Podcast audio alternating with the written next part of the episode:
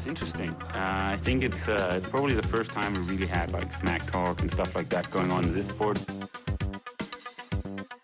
He's definitely been more successful here I mean, in, in Hawaii. But I've beaten him up many times, and he knows that when all the people aren't around him patting him on the back, and he looks at himself in the mirror at night when there's no one else, he knows I'm the real deal. Some people talk and they never won Ironman in Hawaii, so I could talk. I won twice.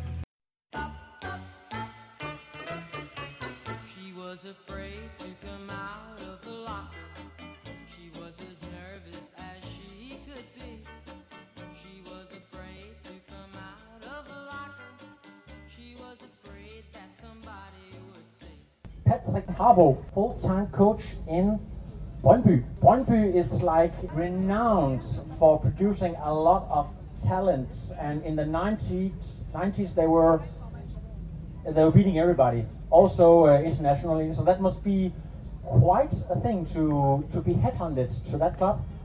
Yeah, I agree. Uh, has a very big name in Denmark and as well still in Europe.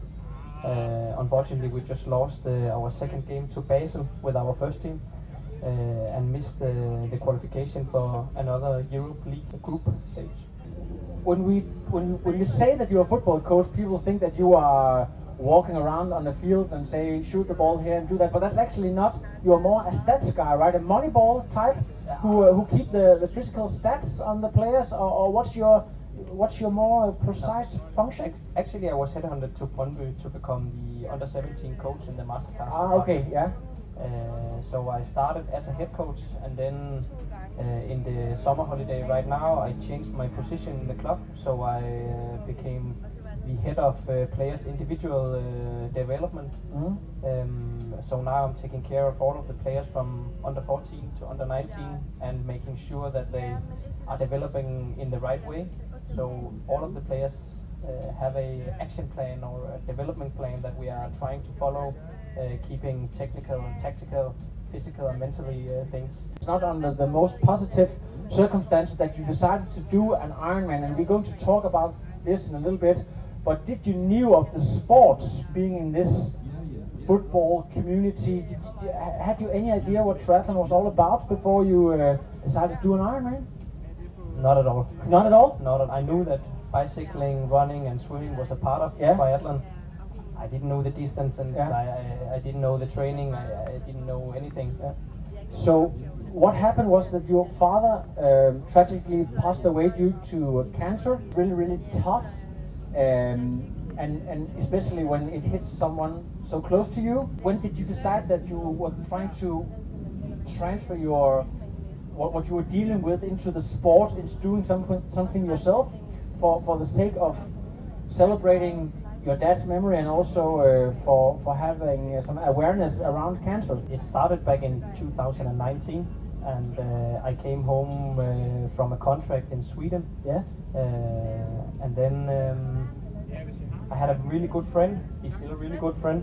Uh, and we, uh, we one day took into the, the swimming pool, and he said, "Wow, how do you feel?" My father just got pronounced by unhealing cancer, and I thought, "Oh, it was a shitty day," and uh, I was very sad, and it was very sad to see my family and friends around me uh, having the same feeling as I have. Uh, and then I decided to to try to do something else, to try to get my thoughts somewhere else, and try to help someone in the same position as, as I was. And then uh, the friend of mine, uh, Nabil, we decided to try to, to make an Ironman, and we we uh, we were searching for a lot of different uh, uh, things to everything from a. Uh, I can just hold this up here if people want to uh, to see it. Talk us through it. Yeah, so we actually decided to search for every uh, different aspects of the game, uh, from the suits to the training to everything, and we we sought every opportunity to collect in money, uh, and we made a deal three years with the Kræftens Uh, Yeah. So it's the the, the national uh, foundation against cancer. Exactly. Yeah. Uh, and then we uh, we could choose between uh, three different things uh, as sub-themes for Kræftens Bekæmpelse, the Exactly. national uh, Yeah. cancer, and we chose to collect in money for uh, cancer is not for children uh, directly or indirectly. So if uh, a kid has cancer, we're collecting in money for those uh, kids, and if a kid is is losing a parent or has already lost a parent, all the money goes for uh, any help that they can have uh, in that position. At that time, before doing the Ironman, in your minds, was Ironman and triathlon like maybe um, going to Mount Everest, something completely insanely crazy, or, or, or what was? How did you approach the Ironman? Actually, we, we talked a lot about it, and we said in the beginning, oh, we have to do something really crazy so we can get the attention from our family and from our friends. Exactly. uh, making some uh, event so everyone would say ah you will never finish this uh, and then we decided to to to just uh, walk in ironman.com uh, Denmark Copenhagen register uh, 5000 crowns. Yeah, and then uh, okay let's do it. And then uh, the sponsor Design Cykler and now today Cykelpartner from Denmark. They decided to sponsor a bicycle for each uh, and they decided to sponsor every uh, bicycle gear. So we got our helmet and our suits and everything. I, I have to ask this question: How long time before paying these five thousand Danish kroners for registering to, to the actual uh, event, and you you didn't know the knew the sport at that point? You didn't know what triathlon was. No. So so uh, how long did you have to prepare? Uh, in 2019 the Ironman was the 18th of August and we bought the ticket 28th of January I think Wow. Okay, so that's not yeah half a year maybe. yeah and then we got the bicycles in April Yeah. Okay. Okay. and uh, yeah, it was difficult. It, it was the first time that I ever sat on a bicycle with the click uh, pedals and Yeah? uh, yeah, So you had to to learn everything. yeah, yeah. Actually, and when I was swimming, it was like throwing a rock inside the, Yeah? the, the water. Actually, I've been looking into your results a little bit, and uh, the swimming is actually what impresses me the most. Yeah. Because you actually swim like 108, which is pretty go- good for a person who, who never even swam before. Um, so, uh, was when you have when you're carrying uh, a tremendous responsibility and, and, and racing for some, some something bigger, is um, what do you call dropping out? Is that even an option? Or, or did you? no, did it's you not. Uh, actually, when when we first started and we first when I ran my first uh, 21 uh, kilometers in a in a race, uh, I was destroyed uh, three days after. Yeah. I thought, oh shit, I had to uh, ride my bike for six hours before, and I had to run double up, and many times during the training to the first Ironman, I was I was very tired and uh, it's a difficult feeling to describe, but uh, uh, is that like some people say that they have a crystal clear memory of their first Ironman, and for other people, everything is completely blacked out because they are in such a pain. and It's, almost uh, what do you call it, transcendental, uh, or a spiritual, uh, uh, what do you call it, journey. So, so, what was it like for you uh, coming over that finish line? that was the I, I remember all of the experience as it was yesterday. I remember from the first time I walked uh, out to the beach and I just my warm up for the swim part was just pissing my suit. Yeah. Uh, and then just swam and when I came up I was so uh, So you have to, to return uh, that action figure your mother uh, gave to you for not pissing in your pants. You have to return that back. exactly exactly and when I came up the water I was so dizzy so I just ran out the water again Yeah. uh, and one of the officials just uh, grabbed me and pulled me up again and said Yeah. are you okay and I said, yes yes but I was just dizzy because the same uh, one Yeah, hour the same uh, uh, same uh, movement. moment. Yeah. You know, I have noticed something really peculiar and quite funny. I don't, I, and I'm not sure if you know yourself, but if you look at your first Ironman and your second Ironman, and it's two years apart, the times are exactly the same, apart from one second. Yeah, they call me very stable It's uh, totally random. It, it was uh, it was actually that the second time I made the Ironman, I, I thought, ah, let's see if I can race as fast as possible. Yeah. I put in a time in my head that was sub 10. And then when I came off the bike, I thought, yes, yes, yes. And the first 21 kilometers, I think I, I ran like 417 per kil- kilometer. Yes. And then the heat, it just killed me. So the last 20 was like 655 or something Yeah. like that per kilometer.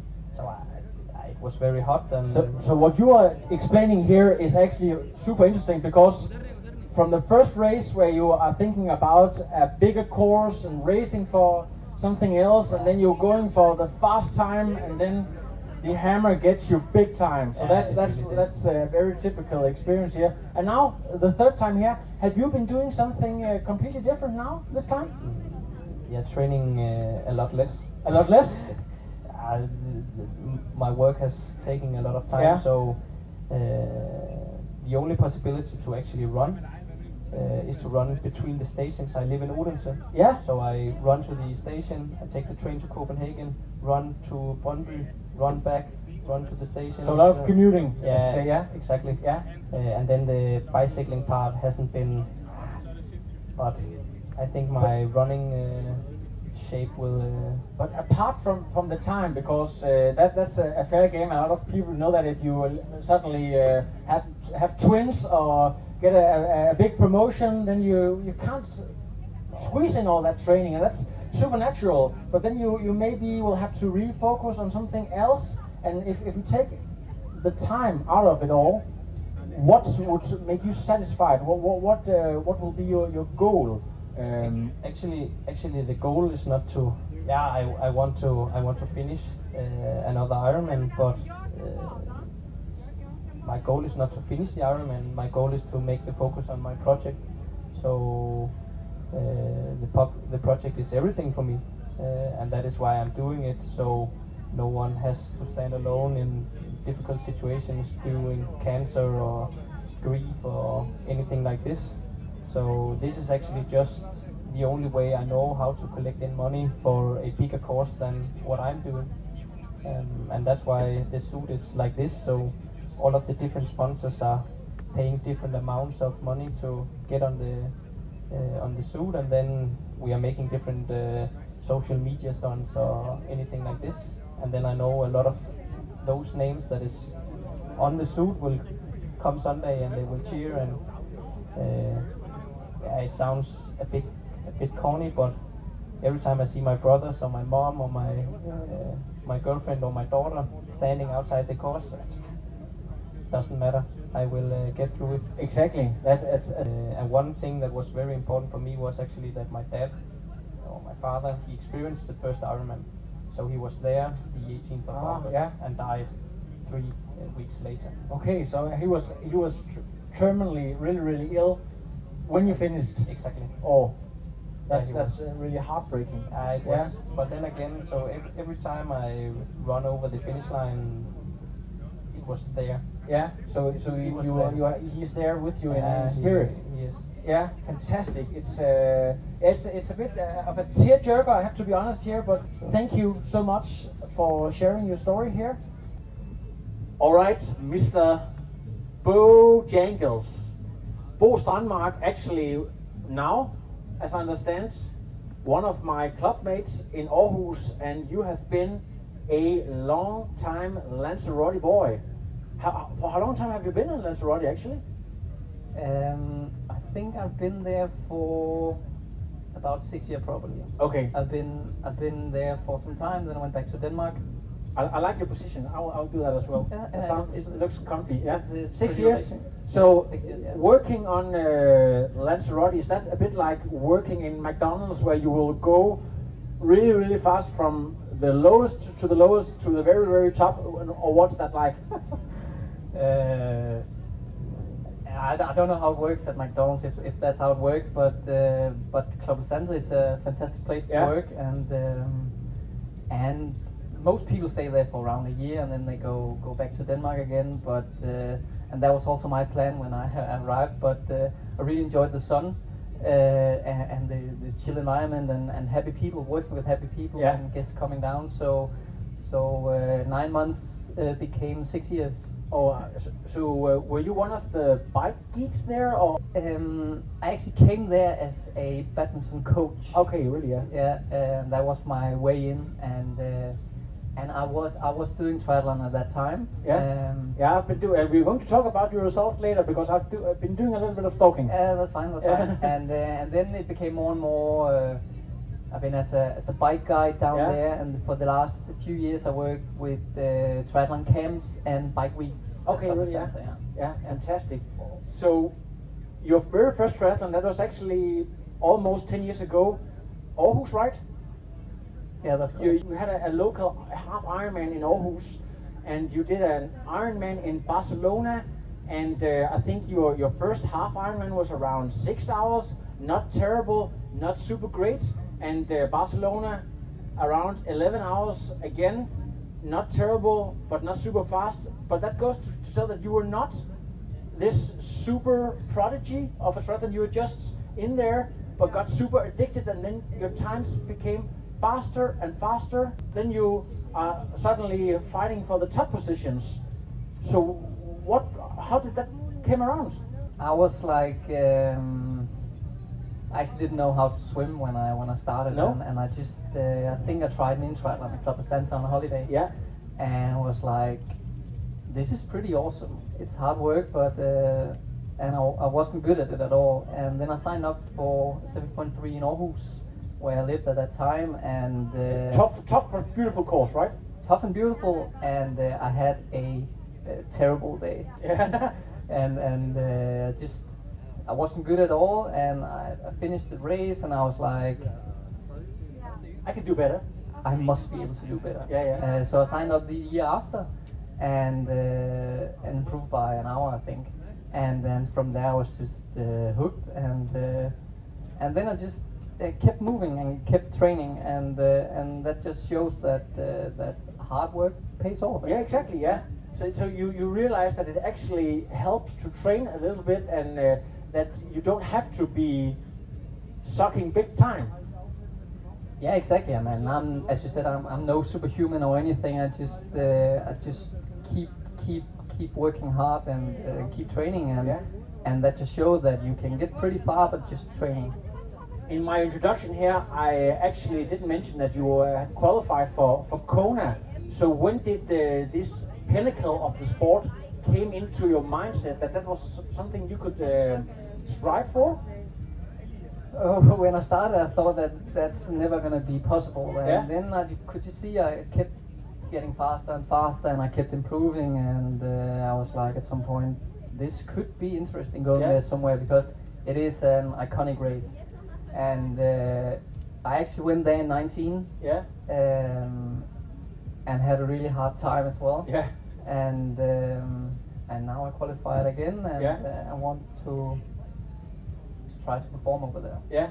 Yeah. And if, if some of your guys listening on, we are recording a podcast here as well, but if some of you guys listening out here uh, dreaming about going to Kona, and that was something you tried to, to qualify for for maybe four, five, or six years, what was some of the most important decisions that made you achieve this?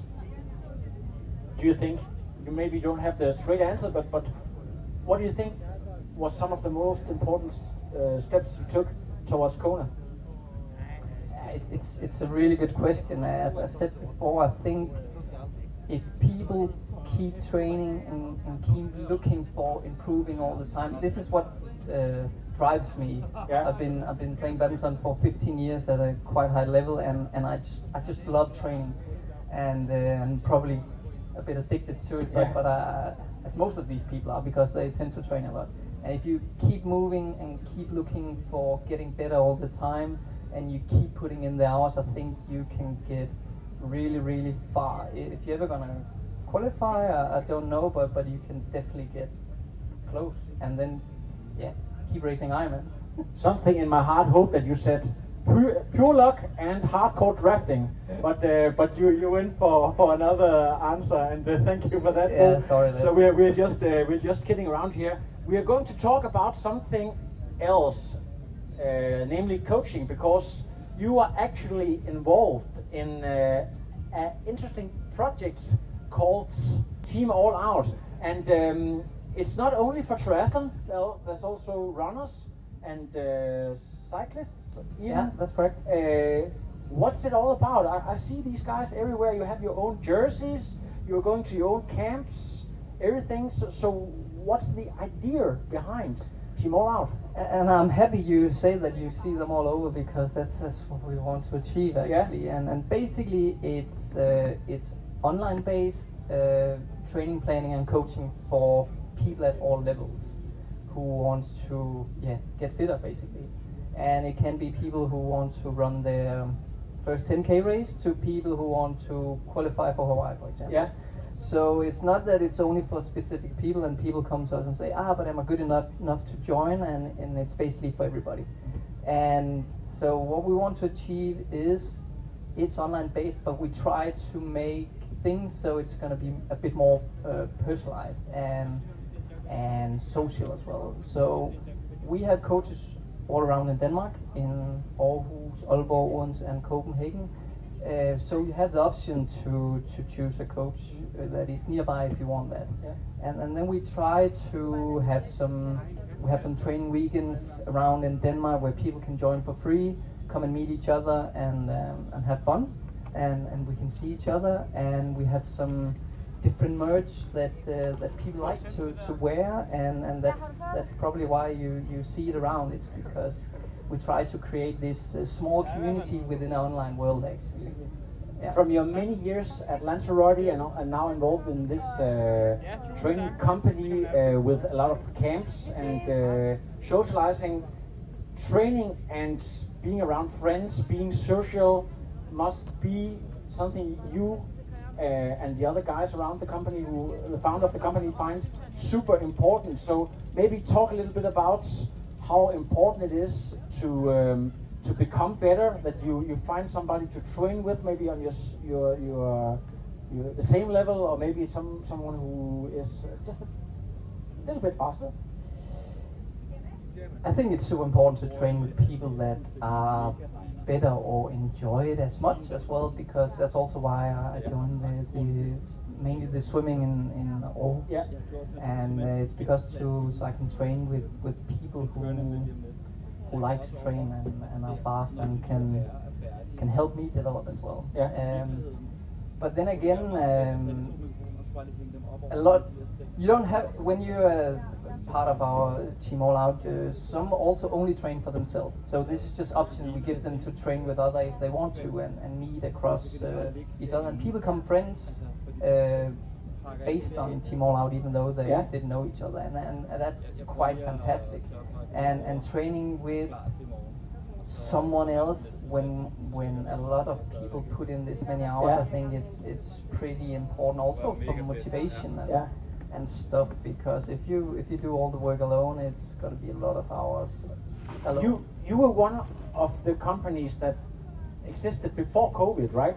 So did you just throw everything out the window, or what? What did you do? Just say, okay, coaching business is, is no more, or, or did you came up with something genius in this this time where there was no races and you know people maybe want to save the money if there's no races as far as you can see in the calendar. What did you guys do there?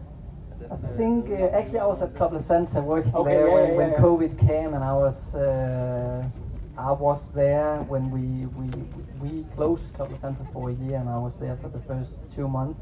Uh, but that's a different story. But but I actually went back to Denmark and and started working full time with Team All Out. Okay. And so even though there was no races, luckily people still wanted to train Yeah. and they wanted Maybe even more, because they did, actually yeah. even more yeah so we we we actually uh, became bigger in that time Okay, because really, yeah. uh, people had time to train and they Yeah. wanted to train and they wanted structure which we helped them with How, how, how many numbers are from uh, are racing uh, here? uh, we are around 15 15, Yeah. really? Okay, thank you. And I have to, uh, yeah, I don't are you going to beat them all?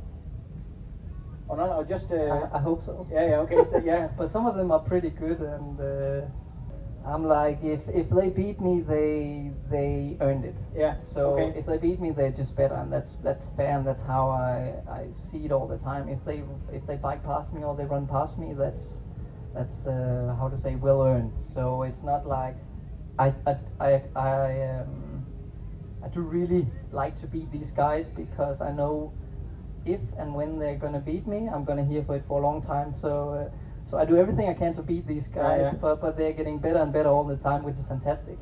And win because they, they do and, and will keep doing uh, kicking my ass. They uh, it's just fair because uh, they work hard as well. Yeah, fantastic. Bo, thank you so much for uh, taking your time to talk about yourself, your triathlon journey, the time at Lanzarote, and I remember the name Team All Out. Thank you so much. Thank you, Lasse. Another local boy, Mr. Christopher Weber, or as I love to call you, Mr. Andrew Lloyd Webber. Hello, I'm here. Yeah, and actually, Christopher, you have quite an amused, uh, what do you call it, a funny story, I would call it. Um, when you started doing triathlon, you were actually working at this very event in 2017 as a coastal guard uh, before the swim starts. And uh, take us through that experience. What happened there? Yeah, I haven't had any really experience with triathlon, and I was working in 2017 uh, at this event, and we were just at the coastline, and uh, a colleague of mine said that he had done it the year before, just over 10 hours. Yeah. and I said, and, and and I said, yeah, I can do it next year, on under 10 hours, but I didn't didn't know anything about triathlon then. maybe talk of course maybe people should know that you used to be a quite good swimmer not quite national top elite but still a fairly good swimmer but but your physique at that point i believe you had been using some time in the in the gym you were a Yeah. quite fit guy Yeah, up to 2017, I thought I should be a like pro bodybuilder. a pro bodybuilder yeah, Yeah, so so- so uh, chicken and uh, broccoli and Exactly. uh, yeah all the time yeah And a lot of supplements, yeah, Yeah, protein yeah. powder all day and hitting the gym all day. Not doing legs, but just over my arms and my chest. Yeah. You can't do So, that in triathlon. so that was uh, uh, what you what people call a grotesque sight. You coming, uh, say, I want to buy this bike, and they have to build an extra strong bike because you are 100 kilos uh, pure muscles. Yeah, yeah, something like that. I would, yeah. I would think that, but um, yeah, it's a long time ago, and I haven't. My arms are very small now. Yeah. Sometimes when I look at myself in the mirror, I'm like, "What happened here?" And uh, spoiler alert, you actually uh, did go under 10 hours. Actually, you went 9:34, I believe. Yeah, very cool. And yeah. uh, but but you came from a competitive swimming background. So talk about uh, what happened on, on the swim there. You you didn't uh, wait for the pros. No, I didn't wait for the pros. It was my first race, so I thought you you won it by swimming very fast. so I did a 48.08, and I came up and had my own motorbike uh, out of town, and it was a very good experience. Yes, you were actually the first guy to leave. Uh, Yeah, yeah, first guy, yeah. yeah. yeah, I think I came fifth overall or something like Yeah. that. So, so that was uh, like with the helicopter and, and stuff like that. And, Yeah. uh, yeah, yeah, amazing. And and that in that instant you thought, okay, now now it, it's it's a new pro career. Uh, not- Exactly. yeah. Okay. Yeah, but then I, but it, but it, then I, I had to run. Yeah. And it all. and, and you died there. yeah, exactly. Yeah. And uh, a couple of years went by. You improved slightly, cut a little bit time, and and you uh, have ended up doing four Ironmans in total. Yeah, and yeah. actually, Ironman Hamburg two months ago, you almost qualified for Kona. Talk about that experience. Yeah, it was a very good day. Again, a very interesting swim. I got uh, uh, on the front pack with me and only one guy. Yeah. And I just laid on his feet all the way, and then uh, pushed the last 50 meters and came out first. So it's a very good experience in Hamburg. Yeah. And, and, and suddenly something happened to your run. 304 for uh, for a big muscly guy like you. Yeah. What what is that something you have been training specific, specifically for, or is it better pacing? Or what's happening? Mm. carbon, carbon shoes? Yeah, what- also what's carbon the secret? shoes, yeah. what's the secret there? Yeah, uh, you say you you shouldn't do anything new on race day, Yeah. but I ran. I haven't ran in uh, Alpha Fly, Mm. and I just put them on, Mm. and it I just flew by. It Yeah. was very good. Yeah, but I haven't really been focusing that much on the run. I I, I actually biked 30 watts below what I, should have done, Yeah. and I was like, okay, it's I don't know what's gonna happen on the run, but it just went by so fast. Super smooth. Yeah, exactly. Yeah. I I have to share with you guys and- and people listening here on the podcast a little funny story because uh, you and I and uh, ten other Danes racing, we uh, we were driving around in Hamburg, downtown Hamburg. So for people who don't know Hamburg, I think five million people. So in total, maybe uh, it's it's Denmark just in one city Yeah, yeah, yeah. we were we, we were trying to find a, uh, somewhere to swim, and we uh, we ended up in this uh, mix between um, uh, Olympic pool and uh, a spa area. Unfortunately, their big Olympic pool was closed down. Okay, we have a, a big Ironman event, but we don't want to open the Olympic pool, so you can swim in this little 25 meter pool. Here you go, guys. Yeah. And uh, Christopher, you uh, you had some intervals, and uh, and how did you approach that? Can you take us through that? Yeah, there was too many people outside in the pool where you swam. Yeah. So actually, me and another guy we went inside. To the kids' pool. Yeah, to the kids' pool, and there was a lot of kids, and you can just swim. I don't know, 20 meters between two stairs, and we had to make the turns on the stairs, but it was only 10 times 200. Yeah. So we did eight of them in inside, and then we came outside again. Yeah. But I, I think it's it, it us a little bit about you as you as a person because of course two days or three days before a big event, of course you can't improve much finish, but would you would you call yourself a type of guy who okay if, if my coach told me to do this program then I will by God do this program yeah, yeah, um, I'm actually coached by Mikkel Mortensen yeah from ActiveWise. yeah and we have a lot of sparring. Uh, we talk uh, together each day actually. Mm. So I'm putting all my trust in him, and he gives me feedback maybe once a day, sometimes two times a day. He looks on all my data all the time, so he knows just as much about me as I do. exactly Yeah. But after Hamburg, Mm. you uh, you had a little crash, actually a, a quite a big crash. You Yeah. you went to the hospital and uh, you Yeah. uh, you hit your your elbow pretty uh, badly. Yeah. So, so do you think? Uh, we have a little bit of uh, shower here. Maybe we can save this here. Yeah. But uh, do you think that that maybe us triathlon people training can be a bit too focused on our computer and data and, and, and, and stuff like that happen or have you been thinking about that afterwards if you could a- avoid it because you are too focused on going fast because you know it looks good on Strava and Instagram and stuff like that or Yeah, I think you can look away from the data sometimes. Yeah. Just it doesn't have to look good on Strava each time. no Yeah. So but but you live and you live but but it's it's, it's, it's an experience you have talked to uh, to uh, your coach about Yeah. uh, maybe we'll you'll approach that uh, slightly different another time yeah, I think so. yeah Just look up and feel your body even more. yeah But it, it gives the best outcome, I think. Exactly, Yeah. but, but um, the plan was actually to race here, but but because of the injury, Yeah. you uh, you have moved your race schedule a few months, right?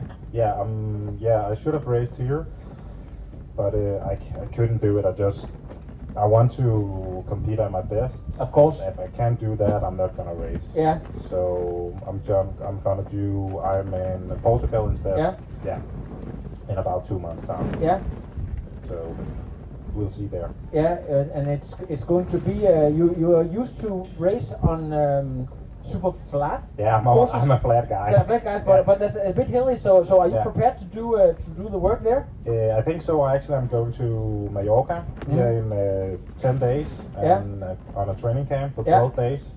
So pre- to prepare for yeah Ironman. You actually told me some exciting news that you um, you quit your job Yeah. because you want to uh, pursue uh, pursue a a pro career. Yeah. Um, I think if you want to compete with the best guys, Yeah. even in, in age group triathlon nowadays, Yeah. you got to give it your all. Of course, Uh, you yeah. can I can work 30 hours a week uh, and compete with a guy who doesn't work. No.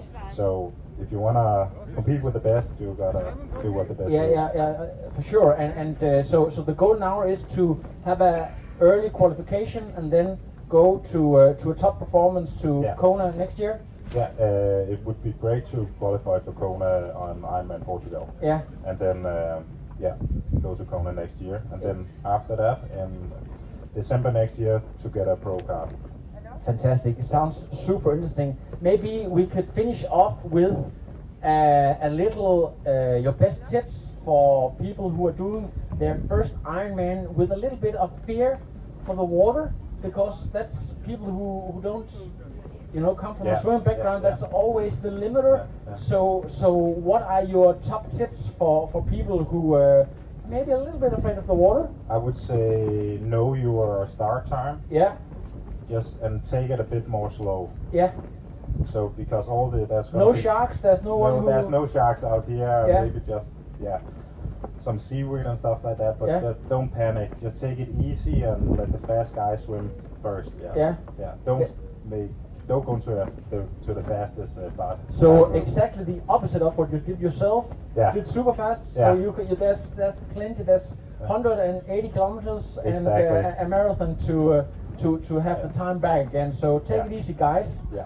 Okay, Christopher, thank you so much for uh, sharing your uh, story. And uh, yeah, I, uh, I hope you uh, you are 100% for Portugal. Yeah. Hope so. See Thank you in Portugal. Yeah, see you. Our race director, Jakob Nørgaard. How are you doing? I am doing very, very fine. Yeah, Very um, you and I wrote some emails together, and you told me that you actually uh, were in Kazakhstan uh, uh, a week ago. So August is that the most busy um, month for you uh, during the entire year?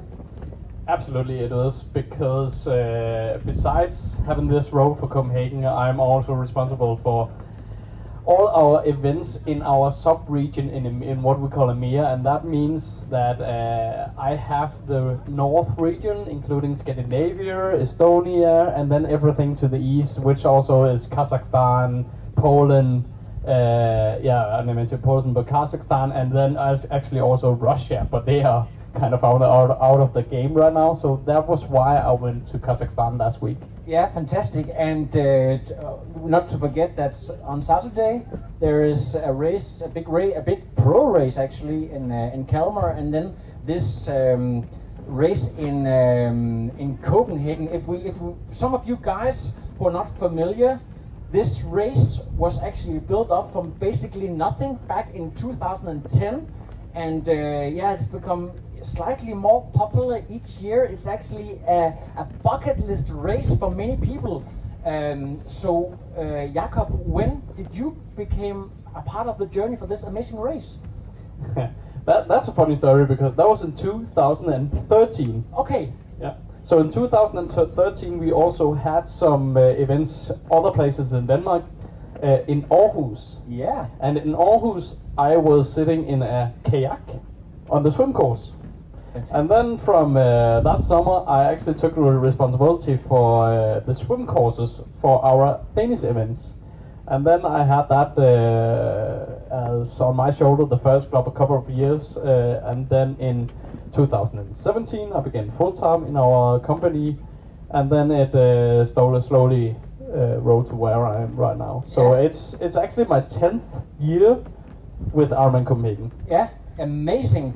And um, you have a a great race, um, and you of course want to make it even better. And then boom, COVID hits. So you're standing there with you don't know is it are we going to continue here? Can we improve? So did you use the time where you couldn't really have a race to to improve? We, you can see we used to be in the city, for instance. Now we are here in uh, Amager Strand Park. So so how, how did you use uh, the the COVID time? Actually, COVID time in our business was pretty stressed Yeah. Because we needed to change our plans like every second week. Yeah. Uh, so even though we, uh, we had no events in 2020, it was very very busy because we needed to go to new meetings with uh, uh, police, mun- municipality, and find out what we will do globally with our Ironman standards, etc.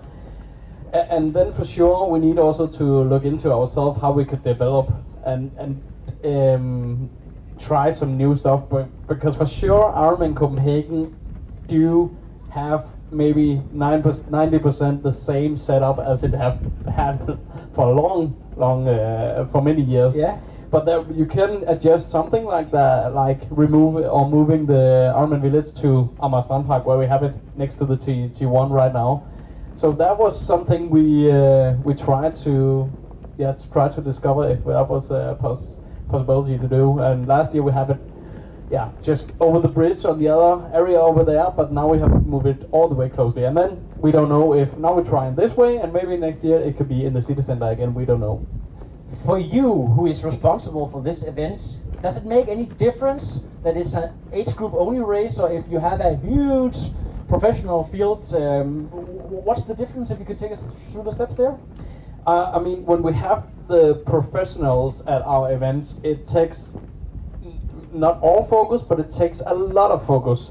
And actually, for my side, too, sometimes too much focus actually. Yeah. Because we do have uh, more than 3,000 participants every year for Ironman Copenhagen. Yeah. And uh, sometimes we, we forget all the normal age grouper and all for sure we celebrate all the age groupers but we can do much more and when we have the pros at our at our events. Also at globally when when I talk to my colleagues. We for sure use a lot of effort to get focus around the event by having pros. So this means that this year we can actually celebrate uh, age grouper winning uh, Ironman Copenhagen and I'm really looking forward to that because we do want to also have that focus on everyone else than the pros. So I, I'm actually pretty happy that we that we tried this this year again. Exactly, and uh, some people uh, I know uh, there's a few guys from uh, Norway who uh, who come here to to maybe uh, chase this opportunity. I, I want to um, to go away from Copenhagen just a little second because um, you are also responsible for a super popular race in Elsinore, which was for four years, I believe, or even five years, the European Championship, and you have this rotation yeah, what do you call it, the system. So um, looking back now, uh, with a very successful uh, few years with a very very high standard and some of the best athletes in the world racing uh, a championship race at your events. What, what, what, is your takes from that? Did you did you learn? Is that something you uh, are happy about? Uh, Absolutely. Yeah. Um, uh, unfortunately, we, will- we will not have the European Championship anymore in Elsinore, and and it was something uh, which was when we had it first time in 2018. Yeah. We expected it only would be one year in Elsinore because we needed to have that rotation system, and and then uh, we just did it one more time because we actually did a Overachieved maybe. yeah, exactly. So we actually did a lot of stuff in 18 and really took care of. And uh, then we had it again in 19, and then uh, for sure also uh, this year, and actually also last year, so that was four, four years. Yeah. Um, and that have been a great, great journey, and it's all, now I just said, and that we need to have a lot of focus on the age groupers, and it can be nice not to have pros because they take on all the focus, but on the other hand, for sure, when we have those world champs athletes Yeah. at our events, it's just gives the extra feelings. Yeah. And and when we know that the I call them beasts sometimes because they are ridiculous fast Yeah. all around the world, and it's it's absolutely amazing to watch them participate on the courses you actually have prepared or work with throughout the year. Yeah. So that that's a, an amazing feeling to have. Yeah, great, and and, and luckily, uh, I think the championship went to uh, Tallinn, so it's not that far away. Only, uh, yeah, uh, w- a, a, a train ride and and uh, a ferry ticket, then you're you're basically there. So so lucky for us. A- another thing about uh, Ironman Copenhagen, which is stands out, is your um, green profile. You can say. I know the entire Ironman brand has been working with uh, vegan products and stuff like that, but it's like Copenhagen has been uh, having the, uh, the the yellow jersey uh, in uh, in the green profile. So is that something you have uh, been working on uh, on purpose? Absolutely. Yeah. Uh, in we started in 2019 by for sure we want to follow the journey as many other uh, it could be events uh, etc. Uh, so there we needed to do something and but we have not aligned what we should do globally or even on European uh, side for our Ironman events because it, it changed something for sustainability we all want that, but it can take a lot of uh, logistic uh, issues or problems or challenges, and it's also some kind of uh, expensive to do it sometimes. Yeah. Um, but we needed to do something, and we also live here in a city in Denmark, which uh, maybe is a little bit dif- different than other places in Europe. Yeah. So we, we knew that we we will ge- be headed not restriction immediately, but we knew something was coming from the city. Yeah. So on that take, then we just started to uh, just do something in 19, and that was where we started to change the transition bags. We changed the food. We changed the the cup at the aid station, and uh, the year after we actually f- they actually followed that for the rest of the European Ironman events. So that was pretty pretty cool. It was expensive because it is expensive when you want to change something. Um, but now we have found like the first steps, and for sure we want to continue that. And that's also for sure why we have chosen Organic Boho as our food uh, food um, company to provide athlete garden food. And I know that not everyone likes the plant-based burger when they finish an Ironman, but that's just part of, of the signal we want to show that it's important to be on that journey, and uh, and I hope that the athletes is following that. Yeah, and for, and for sure, it's maybe controversial to be the first one to take the step.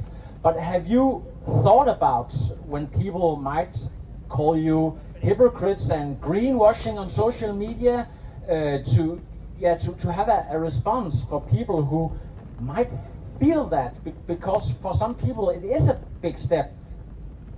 Exactly, and uh, I just believe that we just should all of us do some steps because Yeah. we cannot we cannot go there hundred percent, and we are not going hundred percent for this event. We still have a lot of challenges with trash handling and other stuff, which either will be expensive or it's logistical to do. So at least we do something, and we just chosen like the food.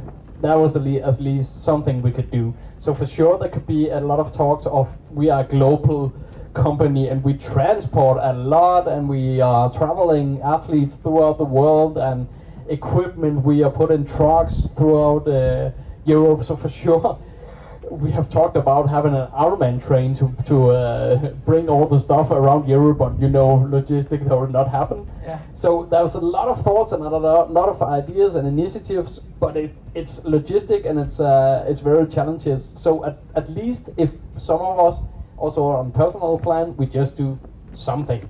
Uh, it's it's uh, great to hear that uh, there's a lot of thoughts uh, and even to uh, improvise, what do you call it, improve even more. Um, for you personally, racing here or, or maybe you race somewhere else, is, is that completely out of the question when you have so much re- responsibility or, or do you are you so involved in the sport that it's, it's, it's, it's you, you, you can't race as well?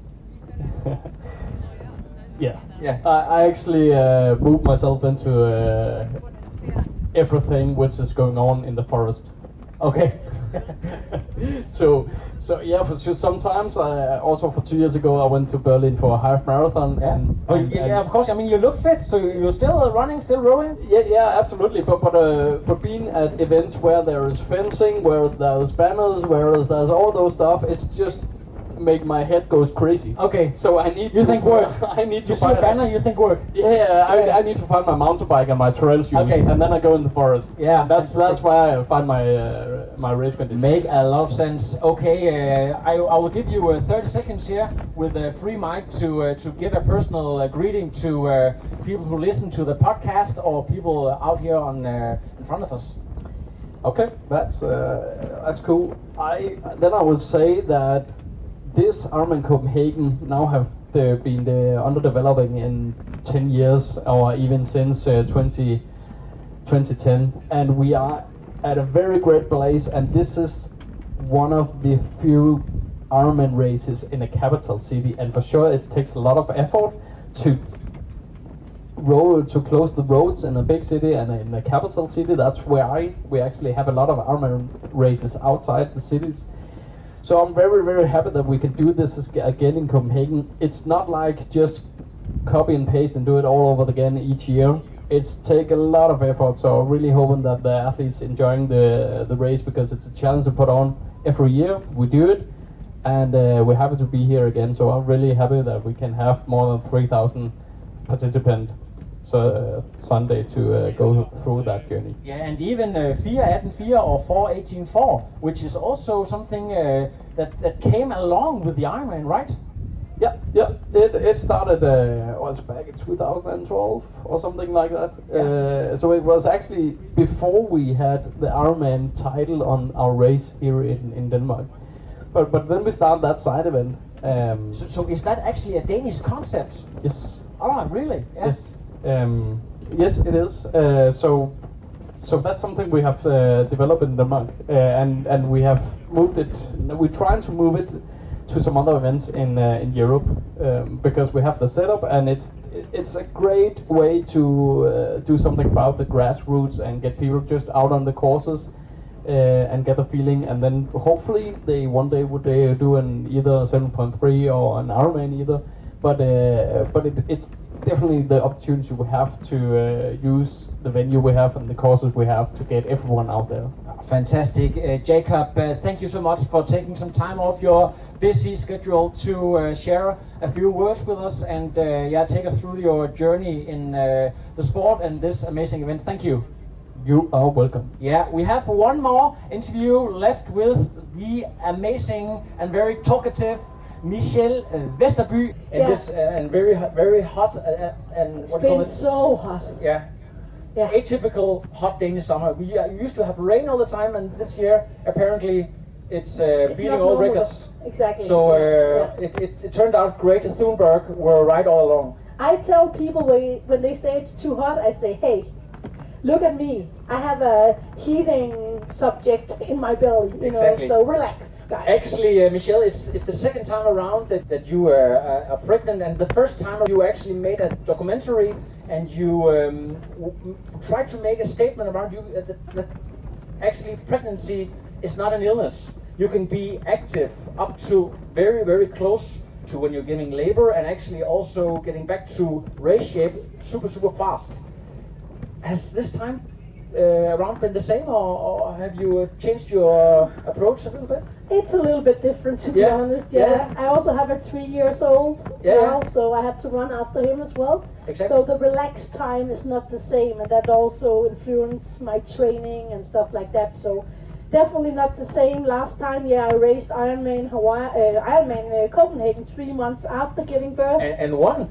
No, I didn't. I, I, you were close to winning. Thank you very much. No, not really, but I did. I did good. Yeah. I was close to nine hours after three months, so Yeah. it was pretty good. Yeah. Which were actually the winning time. The last time you won nine hours, so so you were actually competitive.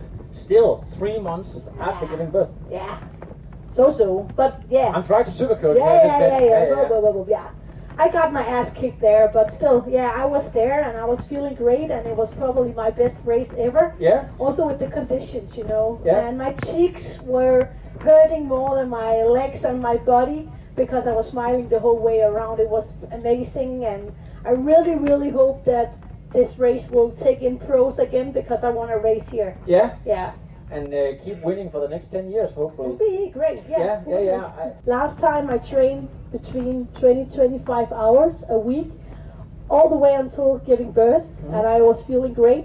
This time it's 2k morning swim every day. That's what I'm trying to, and then I'm walking around as much as possible Yeah. just to keep on moving. But it's not because it feels awesome at all, to be honest. So. No, no pregnancy is alike, no body is alike, and it doesn't matter if you're a woman or, or male. You know, Yeah. you have really have to be good to listen to your body Yeah. because the amount of training is difficult or different what we can do. but but also to be to to accept for yourself that okay this time around I'm not hurrying I'm not getting rushing in into anything mm. has, has, has I know you have a lot of what do you call it, kordeoren, as we say in, in Danish. You have a lot of extra energy. Have you been able to, you know, don't uh, do so much exercise as you used to?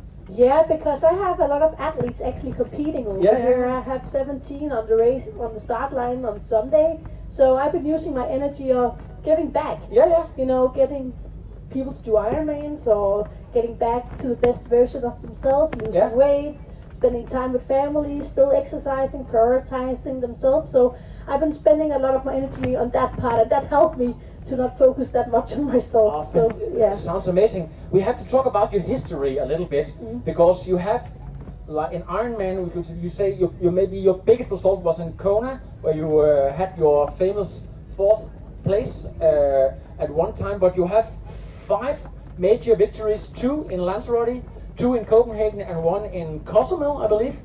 Um, but the problem, you can say if there's a problem with Copenhagen, is that it's quite late, and if you have to be on your top level at one time, you actually you're trying to win Kona. So it's it's it's maybe not the best plan to go and, and be in, in top shape and win in, in Copenhagen. So so how did you the times that you actually did go here and win? What what how did you come around being competitive there and in, in Kona as well? So so close to one another the races.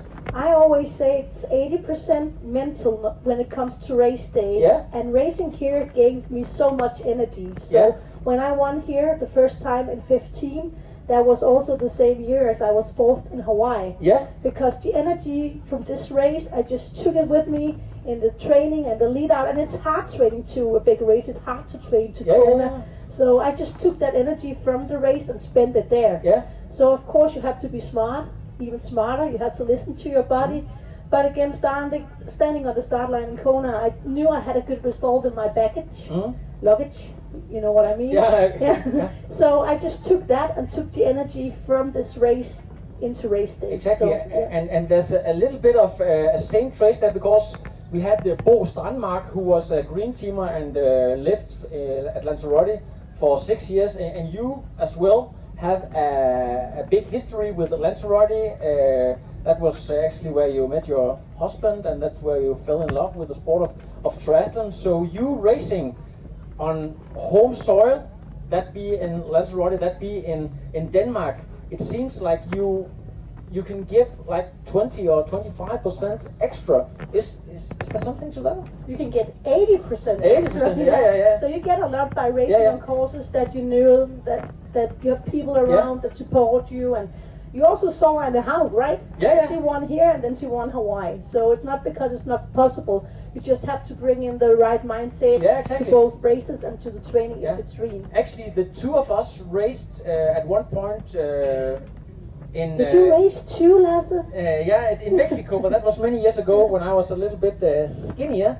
Um, so Like me, if you look, I was also a bit skinnier Exactly. at that time. If you look at your uh, race resume, uh, Mexico shows up a lot of times. Is is is that uh, just by coincidence that you uh, you love to race there? Because yeah, people could you could race all over, but was was that a a coincidence that you love to race there as well? Uh, it's an island. It's warm. I love the warm races, and you can have a great, great mai tai margarita Yeah. after the race. You can chill, and that's also when it's an end season race. It has to be a race that makes you happy, not a race like Bolton in UK Yeah. where it's raining, but Cozumel where there's sunshine and dolphins and big, t- big turtles. Yeah, but talk about this a little bit because there's a big difference between being a age grouper, having fun, and a full-time professional who has a brand, who has to, yeah, you know, make everything go around. You have raced your heart out in Kona, maybe left most of your body there, and then you have to pick yourself up and race one more time. So was that part of it? You had to go somewhere nice when you were absolutely Yeah, I, I don't think there's a big difference between age groupers and pros. Yeah. I always say go out where you feel comfortable, Yeah. where you want to race, like Copenhagen. It's a great race, it's a great atmosphere. Go to Hawaii, it's a great race, it's a great atmosphere. Yeah. You know, I would never choose, I have tried to choose a race. Now I mentioned UK Bolton, which was not my happy place. and it wasn't a good race. I wasn't happy, and it was really about being happy also on race day Yeah. because you prepared your best. It's your day. Go out there, and that's also again. I would never choose a bad race as the end of the season race because I know already that it would be a disaster. Exactly. And Um, you've been in Cozumel. It's so awesome. Again, a bounty island, right? You would never come there normally. That's also what I'm looking for for my comeback races. Where do I want to go? Where do I want to bring my family? Where will we have something to the bucket list? yeah. Yeah. So right now you uh, you are 38 still, still uh, quite young, and Still uh, going you strong. you have like uh, a lot of good years in you, and you can still be competitive. Are you still able to find that competitive spirit and want to uh, kill everybody around you, or, or have your focused?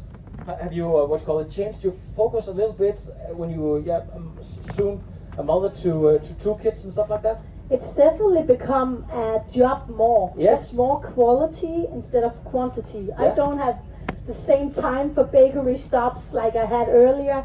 I go out, I do my job, I finish my things. But on race day, there is no doubt that I'm there to win every Yeah. single race that I participate in. I want to be the best.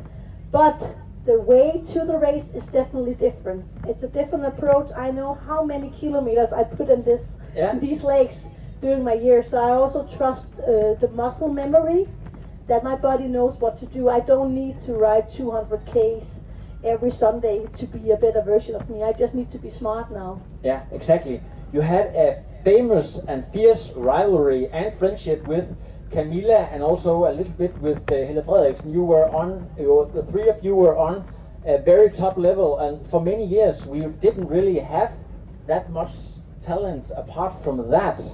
Um, but right now it's like the boys have really They're been stepping stepping, up, they have really yeah. been stepping up. So my question for you is the next big talent on the 70.3 or the Ironman distance at the age of yeah, teenagers in their early 20s coming up in Denmark, wh- where, where should we find them? Where, where are they coming from? Uh, have you any idea? For the girls? Yeah, for the Definitely for the men. We will see a podium on Hawaii this year from Dane. I'm 100% sure. Yeah? Yeah. And for the girls, they will come. You see Alberta, you see Sif, you also see some really strong talent about the young girls. Yeah. It will be fun to see how they're stepping up. But again, I wasn't competitive on the stage of short distance racing either. So you have two different kinds of athletes. So suddenly she can just be there, Yeah? uh, and then yeah, you will say, oh, where has where did she come from? Yeah, and for some people out there who So might not remember, Don't stop believing. That's you really you were actually in your mid 20s and you didn't even know if triathlon was going to be just, you know, whatever, and uh, to it ended up being a professional career.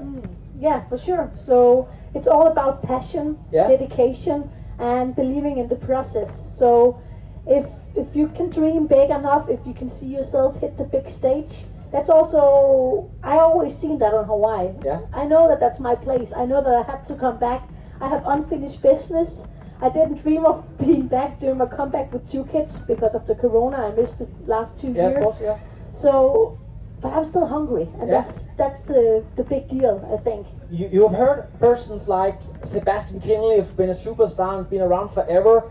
Um, in a very, what do you call it, he was really quick to go out and say, okay, I'm going to retire in three years from now. that's and and uh, yeah, next year I will be uh, competitive and then I will go to do bucket race, bucket races, bucket list races, sorry. So how, how will you go around your eventual retirement in four, five years? Is that something with bucket list races going to do? Norseman going to do crazy races like that, or will you still come to, for instance, Copenhagen, try to, to win a, a home?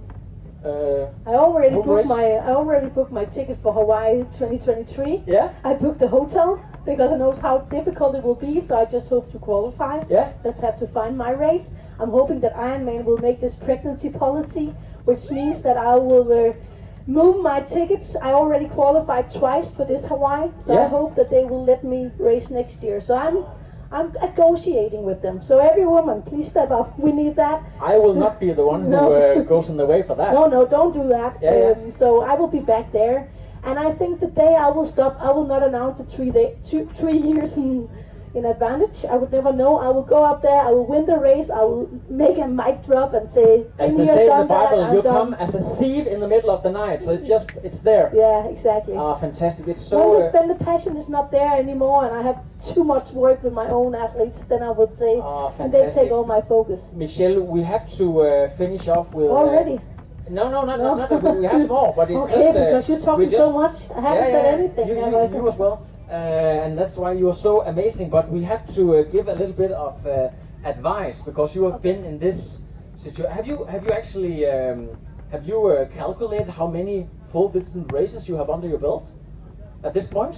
You've been racing since 2011, right? 12 did I did my yeah I've been doing around Plus tw- tw- 25? yeah So you've been in this situation many times. Yes. And a lot of people say, do the same thing as you used to do. Don't do anything stupid. That's but but but do you have, do you have a little bit extra, some extra tips, a little bit of secrets for people who, um, yeah, maybe um, doing the first Ironman or, or want to have uh, uh, extra. Uh, normally tips? I've been hiding my tips and tricks because I don't want to show my competitors how much uh, or what I'm doing I'm actually doing 10 tips on my uh, Facebook and Instagram these days so if you want to follow you can do that And what's your handle again? What? What's your handle again for people who listen? Your Instagram handle? No, Vesterby try. Yeah. Yes. And I've been talking about the socks, the visors, the glasses, not to try anything new, the race nutrition and stuff like that. You know, simple things that's simple for me because I raced 25 times, but things that may not be simple for for you either, Lassie, because exactly. you forgot half of it. Yeah, Yeah. that's, that's true. So I think the most important thing here in Copenhagen is, of course, to stay with your strategy. Mm-hmm. You have to make a strategy before race day, stick to it, but go out there and enjoy. This is one of the most amazing courses on the planet, and it's not because I'm here I say it, but I really love this. And when you run around the streets of Copenhagen, you have never seen anything like that before. So smile, get the energy from the spectators. I have a Keep Smiling hotspot this year, and I promise to give out a lot of good energy there. Hopefully, I'm not getting giving birth during the the race, but uh, yeah, we will see. You have the local taxi company on speed dial. Yeah, yeah, exactly. Yeah, hey, yeah. pick me up. I'm giving, I'm making a baby. Yeah. In interview situations, you just say whatever pop into your head. You are dropping. Sometimes that's not Drop, smart. drop. Yeah, yeah, yeah, exactly. That was what that was what I was uh, fishing after. You uh, say what uh, was on the top of your mind. Uh, maybe you can come with uh, some examples of uh, times where you uh, maybe uh, did things or said things that you shouldn't have, uh, so, which brought you into a, a little awkward situation on national American uh, television or other times. I, I'm, I'm the type that forgets stuff like that. I, I, I had one. Yeah. Uh, when I finished fourth in Hawaii, I ran over the finish line and I celebrated like I won the whole thing. Uh, and I yelled like as big as much as I could. I was fucking fourth. And you don't say fucking on on national television in the U.S., you know.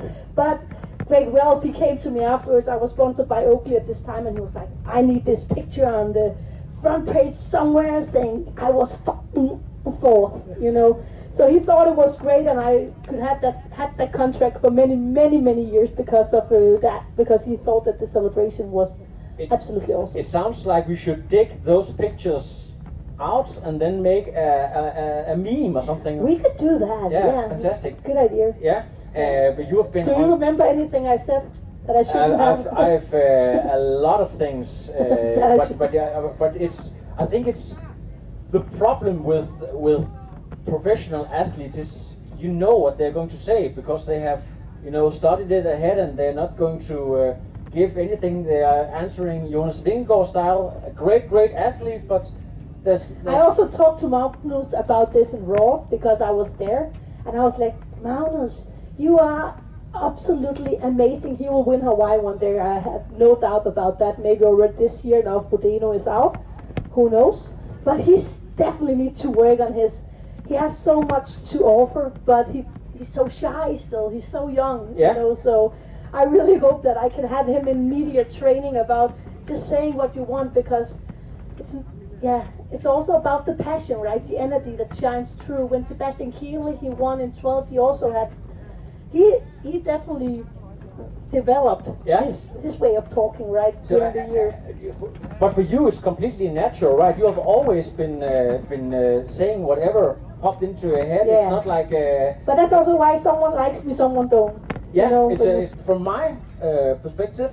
Um, the Americans, especially, and of course, the They Ironman, like me Ironman more. brand is huge Yeah. in America. They love this stuff. You'll see, like a guy like Sam Long, Mm. Eh, the, the game. I know he's also a guy who uh, maybe divides uh, what do you call it, people a little bit uh, from pro and cons, but he gives something to the sport.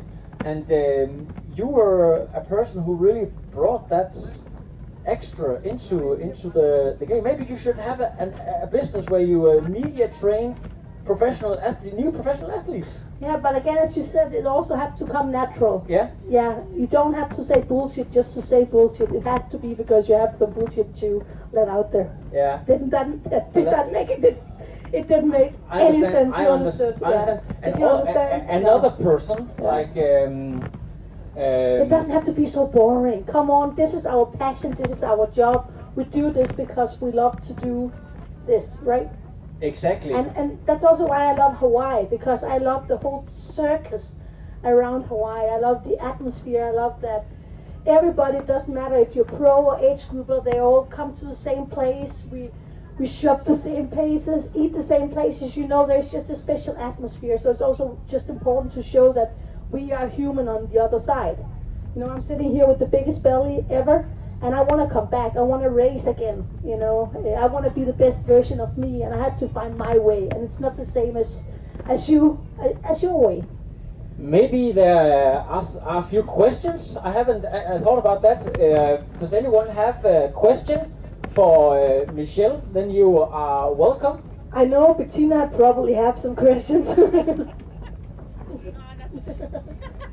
No, I am done.